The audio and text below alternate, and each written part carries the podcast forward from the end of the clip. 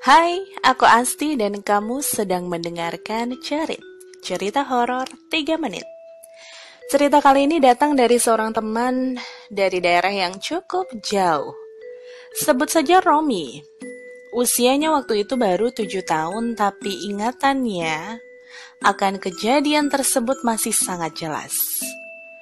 Siang itu udara tak sepanas biasanya. Agak berangin dan lembab membuat suasana sedikit tidak nyaman. Romi sedang duduk di depan rumahnya ketika melihat kakak perempuan yang usianya terpaut dua tahun darinya, seperti sedang asyik berbincang sambil tertawa-tawa di pekarangan rumah tetangga. Entah dengan siapa, karena yang ia lihat kakaknya hanya sendirian. Romi mencoba memanggil, tapi tidak didengar. Padahal Jarak mereka hanya kurang lebih 2 meter. Lama dia mati, sang kakak pun berdiri dan masuk ke halaman rumah yang terletak di depan rumah Romi. Rumah itu kosong, lama ditinggalkan pemiliknya.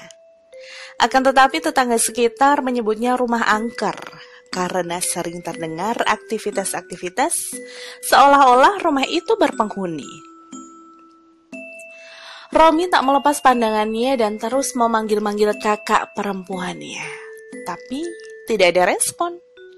Kakaknya bahkan seperti tidak melihatnya. Takut menghampiri, tapi juga tak mau kehilangan kakaknya. Panik karena sang kakak terus masuk lebih dalam ke rumah angker itu. Romi pun memanggil ibunya, dan mereka mencari sang kakak. Beruntung, masih di sana. Anak itu sudah masuk terlalu jauh. Romi dan ibu menemukannya di kamar mandi. Lalu dengan sigap, pundak kakaknya ditepuk keras agar ia sadar.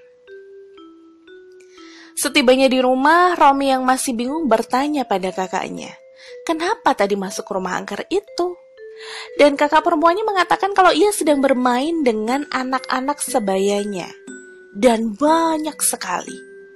Lalu, tiba-tiba ia sudah di kamar mandi dan kaget karena Romi dan ibunya sudah ada di situ. Tahukah kamu, sampai saat ini rumah itu masih kosong.